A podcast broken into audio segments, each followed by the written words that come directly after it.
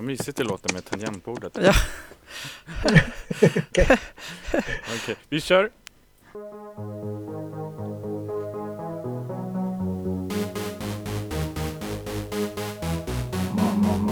Radio RFSL.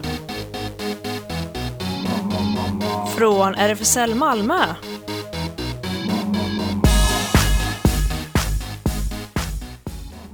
Hej och välkommen. Du lyssnar på Radio RFSL. Riksförbundet för homosexuella, bisexuella, transpersoner, kveras och intersexpersoners rättigheter. Och här bakom mikrofonerna eh, sitter Jonas i teknikbordet, eh, min röst och Ellen ser jag genom glasrutan och sen en annan glasruta där bakom gömmer sig Klas. Ja, hej! Jag sitter ju på coronasäkert avstånd härifrån studion. Precis. Ja, vilken märklig vana det har blivit nu nästan.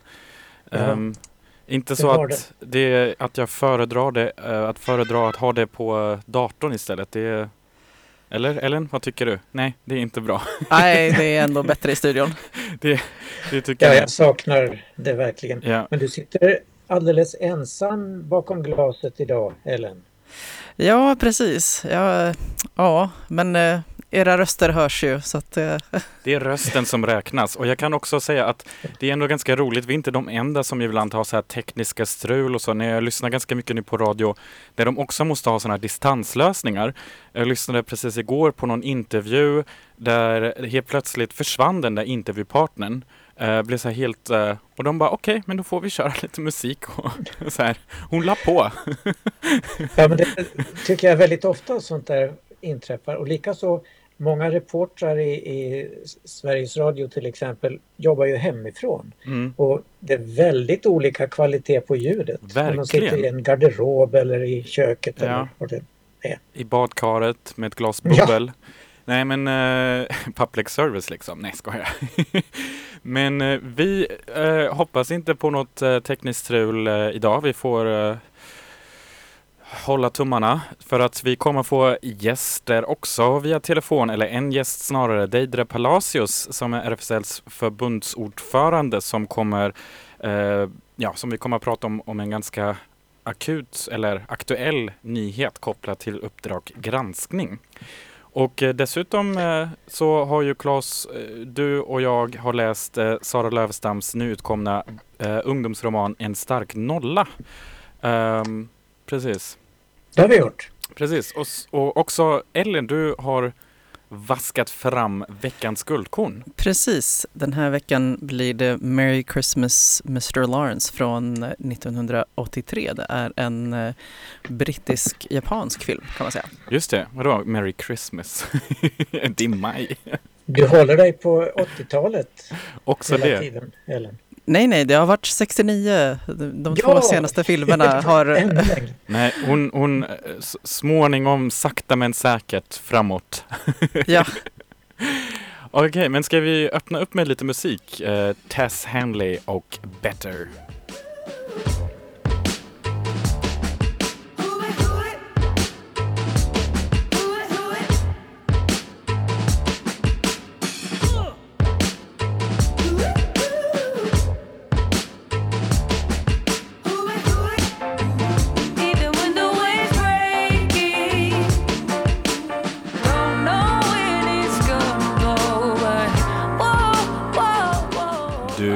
Lyssnar på Radio RFSL. Ja, nu har vi med oss Deidre Palacios, eller hur? Ja. Hej och välkommen in i studion. Välkommen. Tackar. Tack. Eh, jättekul. Eh, RFSLs förbundsordförande och eh, du och vice förbundsordföranden har ju varit i elden nu med anledning av Uppdrag granskning som nu kommer med en uppföljning på sitt Tranståget. Det sänds ju ikväll klockan 20. Eh, mm. Kan du berätta lite vad det handlar om? Ja, alltså Uppdrag granskning har ju haft flera då eh, avsnitt i den här serien eh, om tranståg som handlar om den könsbekräftande vården, varför den ges, hur den ges och ja, men man har ett visst kritiskt öga på det. Um, och man ser då också att det här är någonting som ökar, att fler unga söker sig till den könsbekräftande vården. Och man ser det här som någonting väldigt negativt helt enkelt. Så det är det man tar upp uh, i de här avsnitten. Då. Ja, och RFSLs ställning är ju att de unga ska få bestämma själv, eller hur?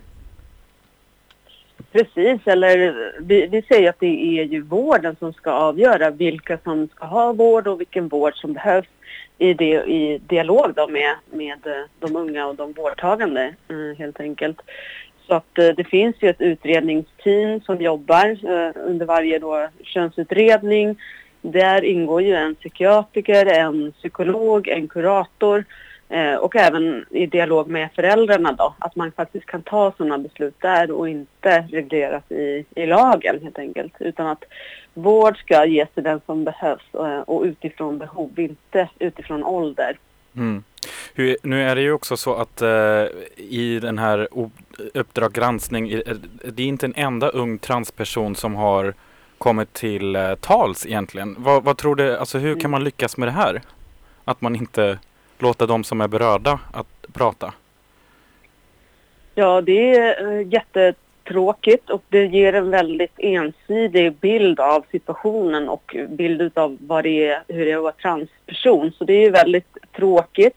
Vi har ju framfört den här kritiken eh, till Uppdrag granskning eh, och hade ändå hoppats på någon slags förändring eh, i liksom de kommande avsnitten. Men, men men det har vi inte sett någon, någon förändring. Eh, sen är det ju, kan man ju nämna att då de har eh, dömts då av granskningsnämnden eh, och det är för att ha brustit i, i men privatlivet då rörande föräldrar till eh, transungdomar som har deltagit i eh, programmet och mm. Eh, dessutom uttalat sig Eh, negativt om den könsbekräftande vården som personen i fråga fick när personen själv är väldigt nöjd. Ehm, ja.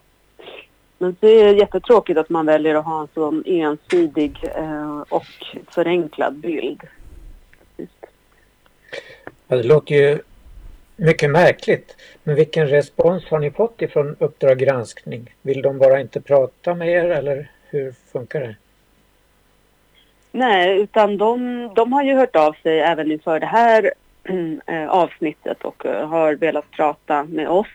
Vi har ju inte kunnat delta på grund av att vi har väldigt mycket att hantera nu, konsekvenserna av corona och annat.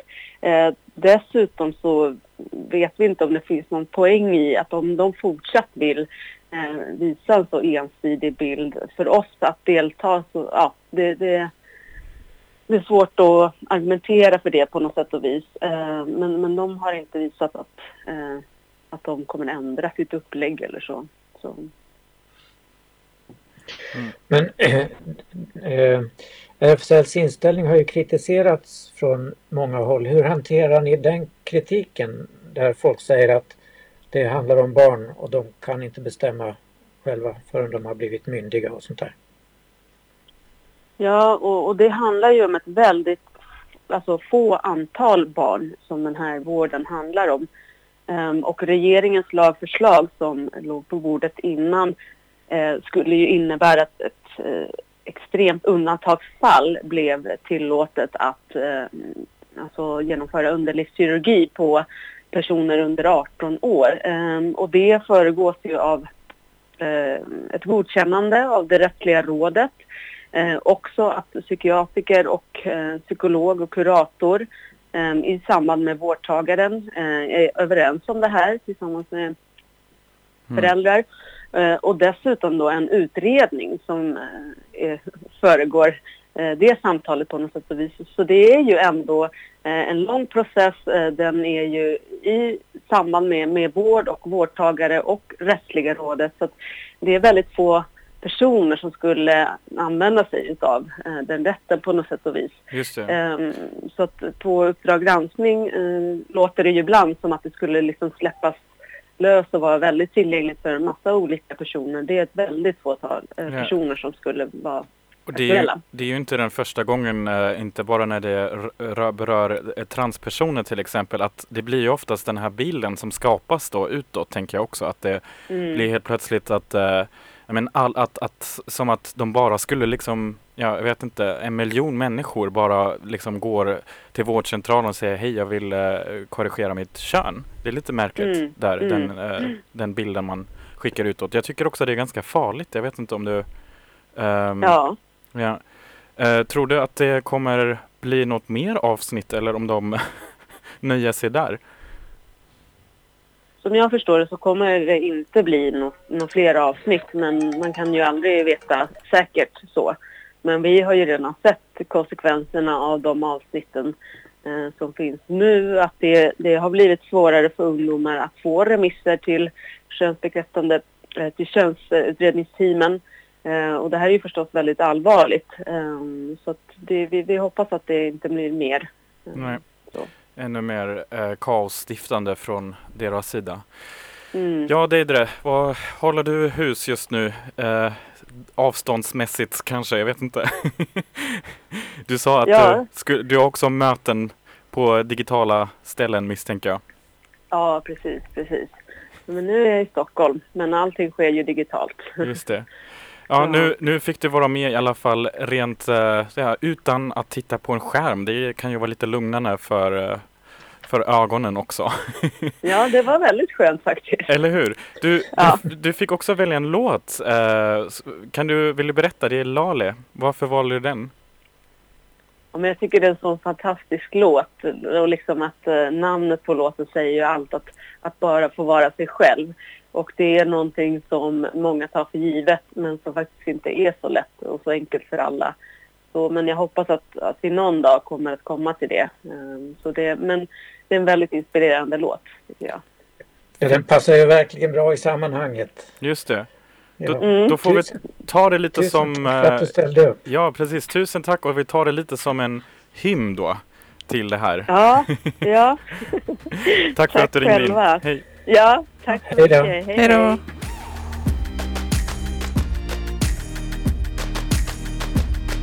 När jag tittar in i ljuset ser jag pusslet som vi lagt och då faller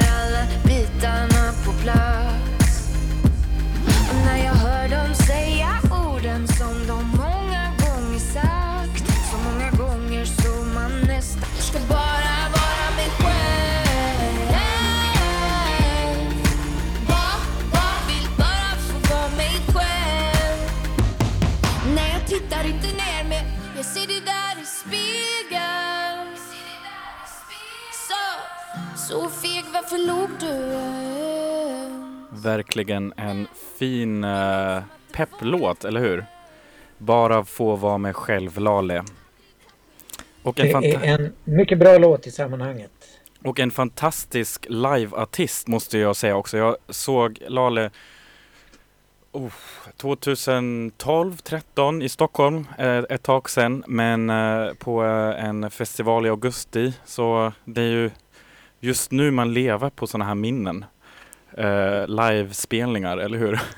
eller du har ett leende i ansiktet också. Ja, ja, men jag tycker mycket om den också. Jag har faktiskt inte sett den eh, live, eh, annat än ja, men inspelat live så att säga. Eh, Nej, just det. Men eh, ja, jag tycker hon har varit en favorit länge. Ja, en riktigt sån som, som man borde se live verkligen.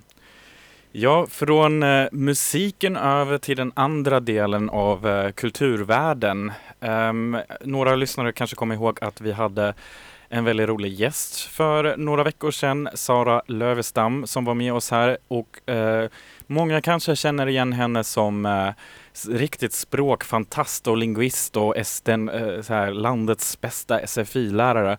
Um, ehm, och dessutom är hon en väldigt flitig författare och uh, har precis uh, släppt sin nya roman, uh, sin ungdomsroman En stark nolla. Och eh, innan man börjar läsa den här boken, eller innan vi kan berätta om eh, vad, vad, boken handlar om, så tyckte jag var väldigt fint, så här på första sidan så står det en liten information om universum. När internet precis hade uppfunnits kallades för eh, cyberrymden. Det är ett passande ord, för precis som jordens befolkning går runt på den här planeten ligger hela mänsklighetens aktivitet på internet. Vi har två universum och datorer, plattor och telefoner är portalarna man använder för att transportera sig mellan dem. I den ena världen är man av kött, i den andra är man av pixlar. Observerar att båda världarna suger. Och det här är en väldigt, Ja, är bra. ja, eller hur? Det är en väldigt fin inledning, eller hur Claes? Till, Mhm. eh, och stämmer in på eh, vad, så här, den röda tråden så att säga i den här boken. Och då får man ju, när man läser den, uppfatta då att Texas, som är huvudpersonen, 14 år kille, han är väldigt obekväm i den här köttvärlden. Han trivs mycket, mycket bättre bland pixlarna. Och eh, han har ju viktiga personer runt sig i köttvärlden i alla fall, till exempel André. Och så bland pixlarna på Instagram, Amy. Och där blir det lite problem, eller hur Jonas? Precis. Ja, det hela är ju egentligen när man tänker hur, hur, hur det här börjar så är det ganska vanligt. jag tänker även utan, även när jag var på eh, ja, eller lågstadiet eller i, i, i eh, högstadiet och så vidare i skolan helt enkelt. Då var det, hade jag inte Instagram och alla de här pixlar så att säga. Men ändå så kunde jag relatera till det här att ja, då sitter den där ena personen där man tänker så här, så här framförallt i klassrummet när man verkligen så sitter eh, varje dag där och tittar och stirrar på samma person och tänker gud vilken, ja i det här fallet fin nacke, eller hur? Nackhåret som, som eh, eh, ja, Ja, väcker Han uppmärksamhet. sitter, sitter bakom sin älskade André där och bara ser nackhåren och ögonhåren ibland när han vänder sig lite grann. Just det. Och hur ska man hantera det då helt plötsligt när man känner hur, hur ska man närma sig i Ja, den här det törs ju inte Texas. Nej. Texas är väldigt blyg egentligen. Nej, precis. Så då eh, finns ju den här icke-kött-världen helt enkelt. Så varför inte skapar en alter ego på Instagram för att försöka komma i kontakt? Det är ganska svårt eh, komma Texas på i början faktiskt för att eh, så här, att skapa en alter ego på sociala medier, det måste ju också vara trovärdigt. Man kan ju inte bara starta ett Instakonto och, och, och börja följa någon annan. Det måste ju vara liksom trovärdigt. Och eh, Texas börjar bli lite så här, ja, eh, lägger upp bilder och kattbilder och eh, så att för att skapa verkligen den här personen. Ja, det hämtar han då ifrån någon som heter Hilma på Instagram. Och snor bild och sådär. Och enstaka bilder från Hilmas sida då med kattmotiv och sånt där. Eh, och så lyckas han få den här André att följa Amy på nätet. Men han får andra följare också, till exempel Pelle Pontiac som inte är en särskilt trevlig person visar det sig. Ja, just det, det har ju ganska många bieffekter, eller hur? har ju det. Och det, om man ser det, det här är egentligen ett brott han begår här, Texas. Det kallas olovlig identitetsanvändning. Och det kan straffas med både fängelse och böter.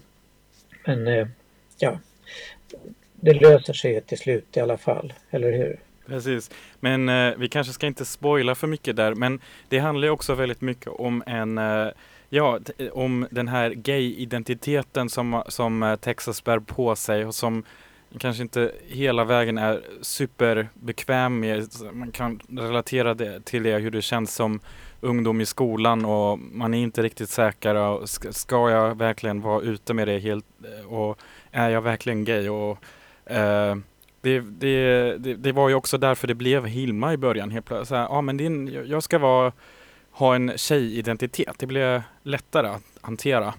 Mm. Men eh, han får ju...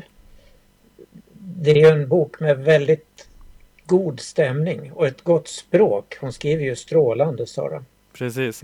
Och dessutom också med väldigt intressanta, eh, det är ju roligt att läsa för att eh, det, det är väldigt mycket eh, chatt, så, lite som så här chatt, skärmdumpar eh, i mitten. Så man får, eh, jag tänkte också lite på eh, de här, så här, när, man har, när det finns så här romaner som jag säger, da, da, eh, dagboksform eller någonting. Men här får man då de här dialogerna får man följa eh, ja, i chattform helt enkelt, eh, som är så inskjutna däremellan. Och det är väldigt roligt. Det har ju blivit, eh, det ligger ju väldigt mycket i tiden. På tv-serier så gör man det ju också numera så att när de skriver sms eller Instagram eller någonting så ploppar det upp i, på skärmen.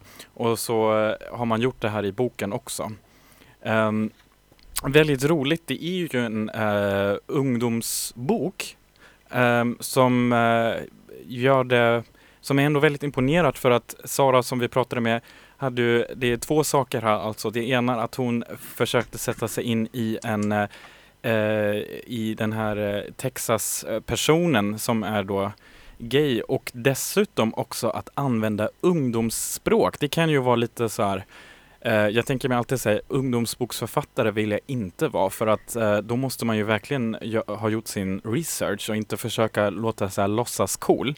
Um, men hon har faktiskt skrivit om det på Svenska Dagbladet att um, hon um, sa att hon faktiskt auskulterade på en uh, skola för att lyssna in sig och kolla liksom de orden som hon hade i repertoaren, är de fortfarande, används de fortfarande? För att hon sa att skriva ungdomsböcker kräver att man har ett öra mot högstadiet och det andra mot tidlösheten. Ska jag skriva fett bra i en replik för att det, eh, det, det var en ung person eh, på den platsen i den sociala miljön skulle säga idag? Eller ska jag säga väldigt bra för att boken inte ska låta förlegat inom ett par år? Uh, och hon som eh, uh, språkfantast uh, och lingvist kan jag tänka mig att hon njöt väldigt mycket av att gräva sig in i det och um, så sa hon också att när hon skrev en stark nolla så uh, åkte hon till en högstadieskola i en söderförort i Stockholm och uh, ackompanjerad av fläktsystemet och lärarens tappra försök att få hormonstinna 14-åringar att bry sig om retoriska modeller antecknade hon ord och fraser som hallå, som är fortfarande ett populärt utrop, och fett som används som förstärkande adverb men inte som i hennes ungdom som adjektiv. Så man kan inte säga, det, det vill säga det här är fett bra men inte det här är så fett. Alltså det är så mycket detaljer. Just det. det är imponerande. Vad, vad, säger du Jonas som är eh, eh, språkvetare, lingvist också. Tror du att eh, ungdoms, ja, så kallat ungdomsspråk förändras snabbare än, än det språk som vuxna använder? Ja, det, är en, det är en jättebra fråga faktiskt. Alltså jag tror mm. att eh, det är ju väldigt mottagligt och dessutom väldigt kreativt. Det är ju verkligen där språket formas för framtiden. Alltså jag menar den generationen som har använt nu fett och på det sättet, det kom, kommer man säkert fortsätta göra sen när man är äldre. Och då kommer det låta så här om 50 år kanske jättegammaldags och lite så här högtravande. Jag vet inte. Det skulle jag kunna tänka mig. Mm. Och hon har ju fått in en mängd sådana här förkortningar också i Instagram-språket. Jag hade det. svårt att förstå vad det betydde till en början men man kan ju lista ut det om man nu inte är inne i språket. Nej, vad det, det, handlar om. På Lilla Piratförlaget eh, är den här boken, eh, eh har den här boken publicerats och eh, där kan man också läsa några kortare recensioner där det står bland annat att Eh, Sara Lövstam har skrivit ett förväxlingsdrama för den digitala eran. En eh, roman med lika delar högstadieångest och värme. Hon har dessutom lyckats med det där konststycket som jag skrivit om ofta förut, att skapa karaktärer som man gärna vill hänga med. Texas är både sammansatt och sympatisk och det är Naomi som kommer in i handlingen så småningom också. Det kommer från Klaras bokprat. Ja, Naomi är ju en väldigt sympatisk och komplicerad person, men kul tyckte jag. Just det. Precis. N när vi hade Sara med oss i telefon så valde hon ju, hon tyckte att Pinks Raise Your Glass passade väldigt bra till boken. Ja. Det tyckte jag också när man nu har läst den så förstår man hur hon tänkte. Men jag tycker Pink har fler låtar som skulle kunna passa in här, eller vad säger du? Eller hur, lite som soundtrack, så varför inte What about us?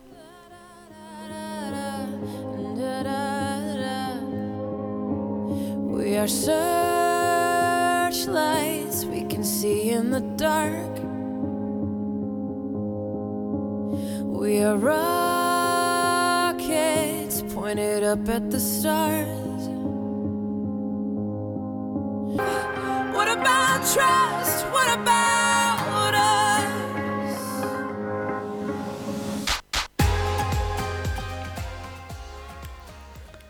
Du lyssnar på Ja. Radio RFSL. Eh, förlåt, nu hoppar det in i ordet här.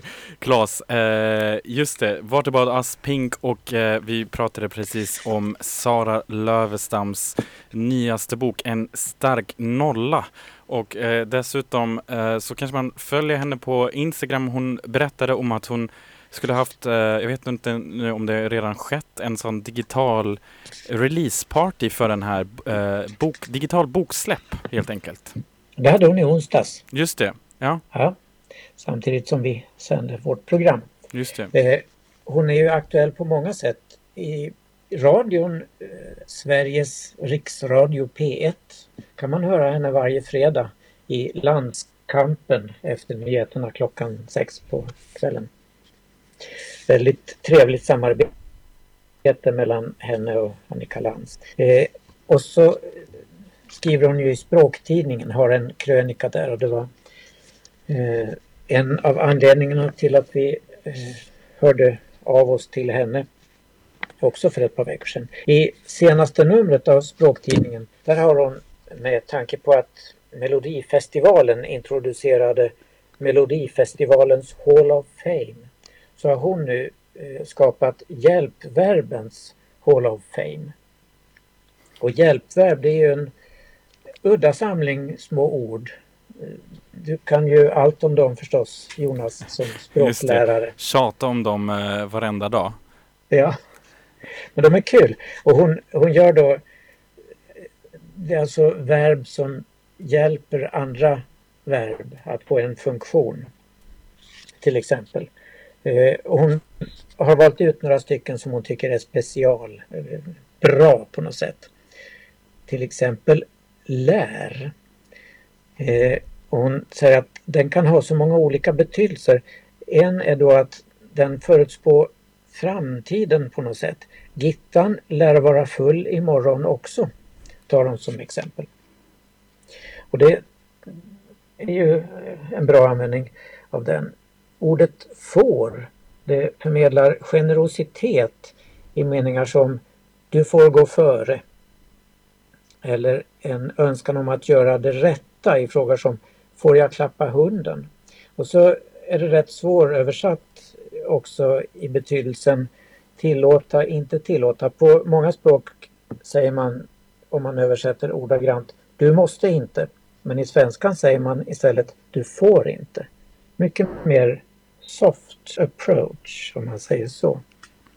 Råkar är också ett kul hjälpverb eh, som i många språk skriver Sara, jag måste översättas till adverbial i stil med oavsiktligt eller utan att mena det. Och då tar hon ett, eh, olika exempel på detta här. Och råkar tycker hon absolut platsar i denna Hall of Fame. Och jag hittade en låt, en alldeles ny låt som jag tyckte kunde platsa i detta sammanhang. Eh, nämligen Råkar älska med någon som heter Byz. Plingade notis i mobilen Du var söt och jag tänkte shit hon är skön och jag gillade sättet hon skriver på. Träffades, festade, skålade överallt. Hade kul i den tvåa på Södermalm. Två missöden som fann varann. Bara kul, inget mer, inget annat kan få växa fram. Det visste vi båda två men nästan man kunde räkna ut. Aldrig hänt. Jag vet inte vad jag ska. Borde gå men känner någonting höll mig kvar. Och jag vet jag brukar dra. Och jag brukar dra Råka älsna, älska här på Radio RFSL. Det är ju väldigt eh, bra, bra hittat eh, Claes. Också lite Instagram-referenser här. Ja. Ja, visst. Okej, då eh, har det nu blivit dags för någonting som Ellen har vaskat fram den här veckan nu igen. Veckans guldkorn. Ja, då var det dags igen och eh, jag har valt filmen Merry Christmas Mr Lawrence från 1983. Eh, det är alltså en brittisk-japansk dramafilm kan man säga. Eh, med, som är regisserad av eh, Nagisa Oshima. Och i huvudrollerna har vi David Bowie, Tom Conti, eh, Yuichi Sakamoto som man kanske också känner till som eh, kompositör och Takeshi Kitano huvudrollen. Och eh, jag vet inte, Claes, hade du sett den? Eller? Jag, har sett, jag har sett den men det var väldigt länge sedan så jag har läst in mig lite grann på Wikipedia nu och kommit ihåg. Ja. Grann. Den är väldigt dramatisk på sitt lilla brittiska sätt. Ja, precis. Eh, och den är ju alltså både på eh, engelska och japanska. Ehm, eh, karaktärerna pratar, ja en del pratar bara japanska, en del pratar bara engelska och, och det finns en som, som pratar både engelska och eh, japanska och det är eh, den här som eh, ja, filmen har, har sin titel från. Den här eh, Colonel John Lawrence. Ehm, men man kan ju säga också att filmen är, är ehm, baserad på eh, en eh, bok skriven av en, en ja, soldat som var fånge. Ehm, han var från Nederländerna och var fånge, ja jag antar under den här tiden som filmen utspelar sig. Den är gjord 83 men den utspelar sig under andra världskriget 1942 eh, i ett japanskt fångläger på Java. Eh, och, eh, och den, den, har ju en del homoerotiska eh, drag naturligtvis också.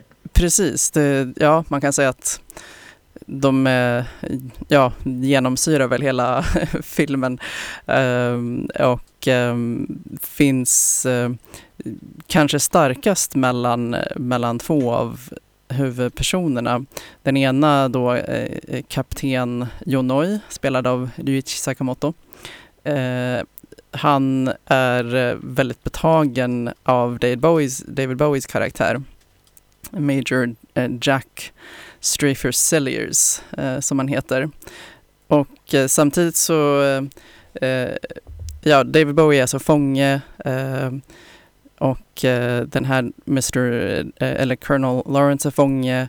Eh, de hålls fångna då av ehm, eh, kapten Janoi och, och av en ganska så eh, sadistisk, till en början i alla fall, eh, sergeant heter det väl på, på svenska, eh, spelad av Takeshi Kitano.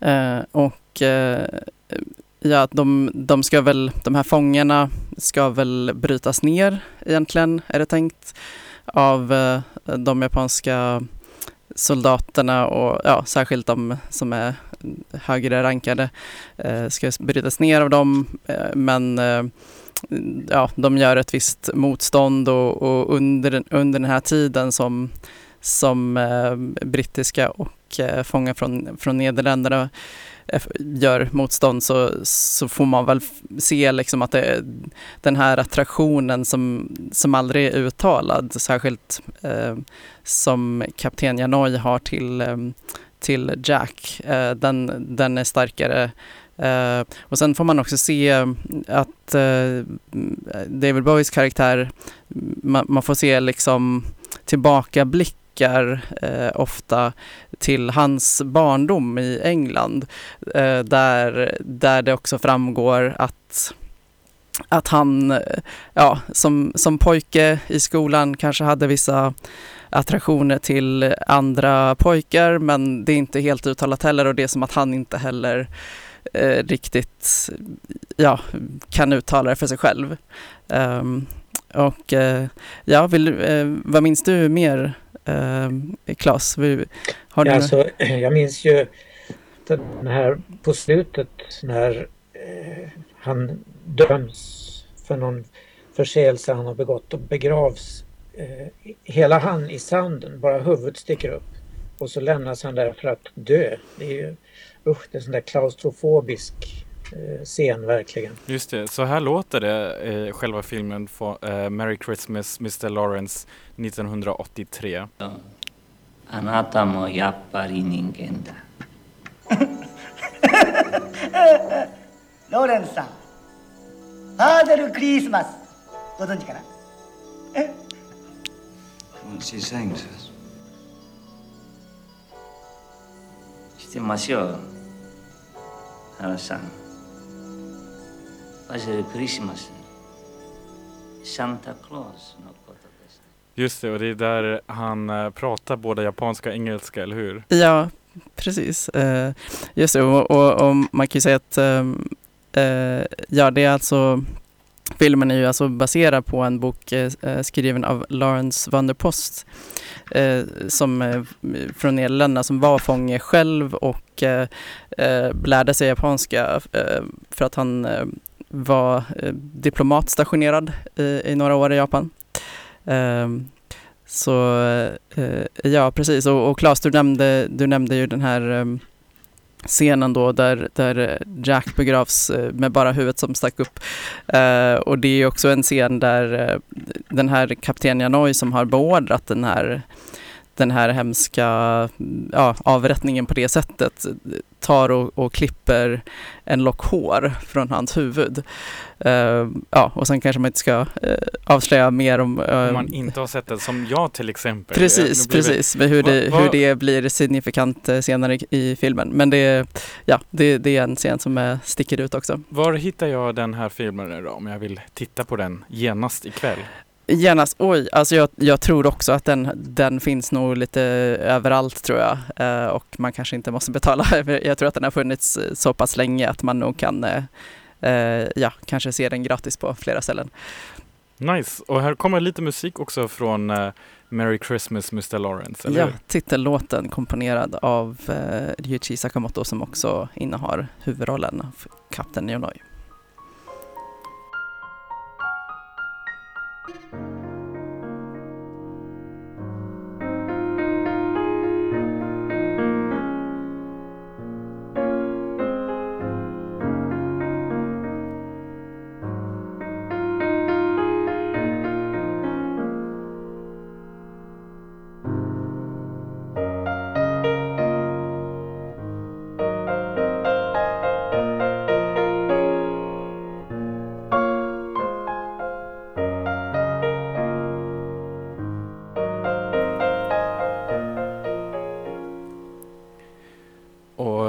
Sakta med den här fina musiken i bakgrunden får vi glida över till nyheterna här på Radio RFSL.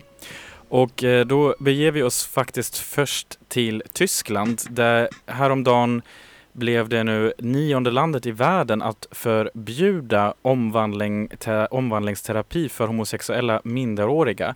Därmed togs ytterligare ett stort steg för att få bort denna skadliga verksamhet. Den tyska förbundsdagen, eller parlamentet, antog den 7 maj ett lagförslag som gör det olagligt att försöka förändra minderårigas sexuella läggning. Brott mot lagen kan ge upp till ett års fängelse eller 30 000 eh, euro i böter, rapporterar BBC. Och Tysklands hälsominister Jens Spahn, själv homosexuell, kommenterade våra hbtq-ungdomar kan nu känna sig stärkta när staten, samhället och parlamentet gör det klart vi vill inte ha det här i landet. Eh, landets hbtq-grupper välkomnar förbudet men uppmanade den tyska regeringen att fortsätta ansträngningarna för att motverka den homofobi som leder till sådana avarter av behandling. Eh, liknande förbud finns även i Malta, Ecuador, Brasilien och andra länder. Eh, behandlingen är också förbjuden i några av delstaterna i Australien, Kanada och USA. Eh, och nu diskuteras liknande lagförslag i bland annat Norge, Frankrike och Österrike. Och jag kan också lägga till, det är ganska intressant för att det här var ju någonting då alltså som betalades av försäkringskassorna i Tyskland. Så att eh, det var ju det som blev den stora skandalen. Oj! Ja, precis. Så att man eh, behövde inte ens eh, ja, gå och betala det ur sin egen ficka. Statligt finansierad Statligt. psykisk misshandel. Precis, det är Ja, exakt så. var ju verkligen på tiden att det försvann nu då. Mm. Och eh, på tal om Uppdrag granskning som vi tog upp här med Deidre lite tidigare så fanns det ett liknande program också för, eh, tror några år sedan här på SVT som försökte, jag tror de blev lite så här hooked on eh, this topic för att eh, det blev en, det fanns flera sådana här motsvarigheter i Tyskland med Uppdrag granskning där de gick och, och, och utforskade. Det liksom ledde nu också till den här pressen. Men i Sverige så gjorde man ett liknande försök och där kändes det lite eh, påtvingat. Det var lite som att Uppdrag granskning verkligen ville hitta eh, folk som skulle konvertera. Och gick de till Svenska kyrkan och försökte hitta så lite undercover, några präster och det kändes nästan lite som att de försökte så här eh, övertala dem att så här, men är du verkligen säker att du inte erbjuder sån här omvandlingsterapi eller? så lite, så Sverige försökte hitta någon liten skandal som lyckligtvis faktiskt inte riktigt finns här. Nej, ja. vad bra. Då flyttar vi oss till Vatikanen. I en nyutkommen biografi om Benediktus den 16 som var påve eh, 05 till 13 uttalar han sig knappast oväntat och negativt om samkönade äktenskap. För hundra år sedan skulle alla ansett homosexuella äktenskap som en absurditet. Idag blir man bannlyst om man är emot dem, uttalar sig den här expåen då, Josef Ratzinger heter han, enligt Pink News. Den förre påven fördömer även aborter och assisterad befruktning och att alla dessa företeelser är verk av antikrist som den universella kyrkan måste motstå. Hans uttalanden är inte överraskande för den som har följt Benediktus under hans tid som påve då han bland annat kallade homosexualitet för en inneboende moralisk ondska. Men hans efterträdare Franciscus har antagit en mer försonlig ton gentemot homosexualitet även om den katolska kyrkan fortfarande anser att homosexuella relationer är en synd. Och den här nya biografin är godkänd av eh, Ratzinger själv och är skriven av journalisten Peter Sewald och än så länge bara utgiven i Tyskland. Då går vi över till USA. USAs största lobbyorganisation för hbtq-rättigheter, The Human Rights Campaign, ger Demokraternas förmodade presidentkandidat Joe Biden sitt stöd. Även en nationell transorganisation har gjort detsamma. I ett pressmeddelande uttalar The Human Rights Campaign, HRC, eh, ordförande Alfonso eh, David sitt stöd för Joe Biden som presidentkandidat. Vicepresident Joe Biden är ledaren vårt community och vårt land behöver. Eh, slutstat. President Donald Trump och hans vicepresident Mike Pence anklagas i samma pressmeddelande för att ha minskat skyddet och stödet för hbtq-communityt under sina år vid makten. HRCs stöd för Biden kom på åttaårsdagen efter att han offentligt uttalade sitt stöd för samkönade äktenskap, en ståndpunkt eh, president Barack Obama också antog några dagar senare. En eh, coronasmittad man som besökte flera gaybarer i Seoul har fått skulden för ett nytt covid-19-utbrott i Sydkorea. Något som riskerar att öka homohatet i landet, skriver QX. Den 29-åriga mannen var symptomfri men diagnostiserades senare med covid-19. Han besökte i början av maj fem gaybarer i Souls partyområde eh, Itaewon utan att veta att han har, bar på coronaviruset, rapporterar Advocate. Enligt den koreanska regeringen exponerade mannen minst 1500 personer för viruset varav 14 inklusive vännen han var ute med um, har konstaterats smittade. Siffran förväntas dock öka. Vid tillfället hade inga nya smittade konstaterats på fyra dagar i landet. Händelsen spred därför ny rädsla för, att, för ett större coronautbrott och antihomo-kommentarerna kom som ett brev på posten. Och i fredags skulle Tuoko Laaksonen ha fyllt 100 år. Tuoko, mer känd som Tom, Tom of Finland, hyllades förstås på läderbarer över hela världen där det fanns folk förstås då och med en lång artikel i QX som vi lägger ut en länk till på vår Facebook-sida.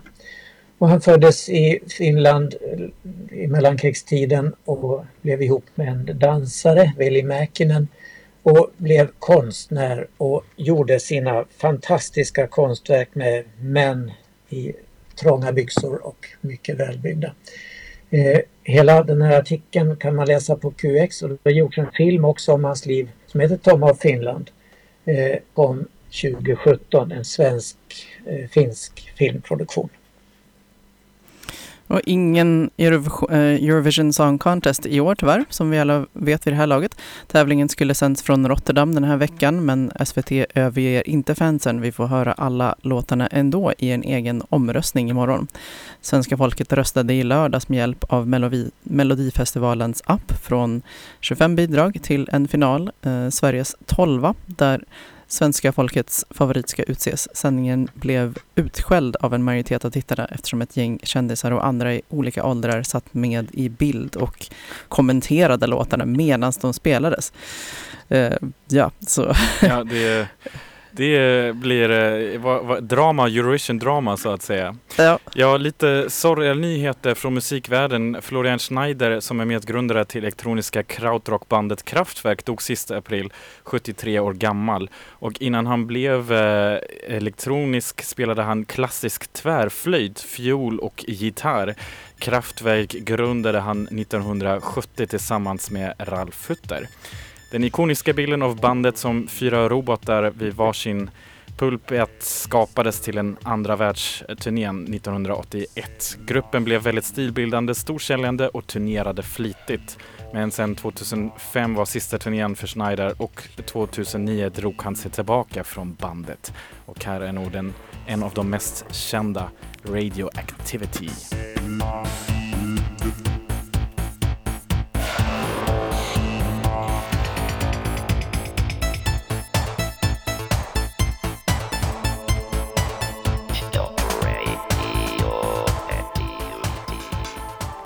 Ja, vi, Ellen du gungar med här. Ja, jag håller den idag.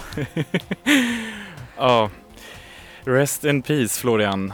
Och då är det dags för eh, Det händer på Radio RFSL som är en del av RFSL Malmö som har sin lokal på Stora Nygatan 18 och Facebook-sidan.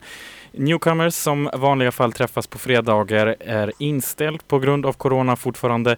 Seniorcaféet däremot går på promenader. Och eh, vad blir det nu för promenad, Claes?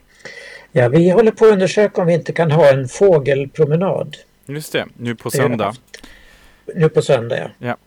Så, så, vi får se, jag återkommer. Så är man intresserad av att gå med på promenad, då hör man av sig till senior malmö.rfsl.se. Och Habitat Q, ungdomshänget som vanligtvis ses måndagar och onsdagar mellan 17 och 19. Precis idag är det inställt men annars tillgänglig för alla mellan 13 och 19 år. Kanske lite boksnack om eh, en stark nolla skulle kunna rekommenderas. De ses på Sofia Lundsvägen 5 nära Möllan. Och SLM Malmö håller igång. Klubben för män som gillar män. Eh, Sallerupsvägen 30 har de sin lokal och kör som vanligt på vanliga lördagar är det klubbkväll och på tisdagar är det pub. Och man kan läsa mer om verksamheten på deras hemsida slmmalmo.se. Och så eh, blir det Idaho. Det är ju varje år den eh, 17 maj. Eh, International Day Against Homophobia and Transphobia. Äntligen är det dags. Eh, och, bi och mot bifobi förstås. Eh, vi kör, eh, och så här står det, vi kör självklart i år igen och kommer fokusera på en bilkaravan runt Malmö med alla våra slagord, flaggor och kamp. Tillsammans tar vi över gatorna och visar att den queera världen är möjlig. Vill du delta i bilkaravanen? Såklart du ska. Eh, skriv till oss och så ger vi närmare info. Ja, så vi lägger upp en länk där till det Facebook-evenemanget som man kan ta del av infon närmare. Precis, och Malmö får nu snart presentera stolt sin eh, första queera online filmfestival. Den första i sitt slag i Sverige faktiskt. Personlig berättelse om queer identitet och sexualitet som ska synliggöras tillsammans med kulturcentret Chaco Macco eh, och filmkollektivet Habibi Collective som eh, lanserar en unik eh, festival. Och eh, det är främst filmskapare från Mellanöstern och Nordafrika som skildrar en värld som många tror sig veta någonting om. Och det säger producenten Ansar Bakir som är också bakom Chaco Mako som vi har haft här som gäst på Radio RFSL. Och den här onlinefestivalen äger rum eh, mellan den 18 och 24 maj och är ett samarbete med Hypnosteatern här i Malmö och eh, filmkollektivet Habibi Collective vecka kanske vi får höra Ansar berätta om detta. Nästa vecka får vi mitt i tipsa om hur det går till. Ja. Malmö stadsteater och Operan, där är allt inställt förstås. Man kan se saker och ting på nätet om man vill. Eh, på Malmö Opera har de en kostymutställning nu. De fick ju lägga ner skönheten och odjuret innan den var klar men alla de fantastiska dräkterna visar de innanför fönstren mot piazzan hela våren och sommaren. Just det. Ja, och Mer hann vi väl precis, inte idag. Ser du, det är ändå ganska mycket som händer i så här coronatider. Eller hur? Ute i det digitala och nu kanske också på promenader med mera när vädret är fint och det inte blåser för mycket. Får vi avsluta med en till hyllning till Kraftwerk, Radioactivity, men en lite mer så här indie-pop-variant av Damien Gerardo. Vi hörs nästa vecka igen. Hej då! Tack för idag. Hej då!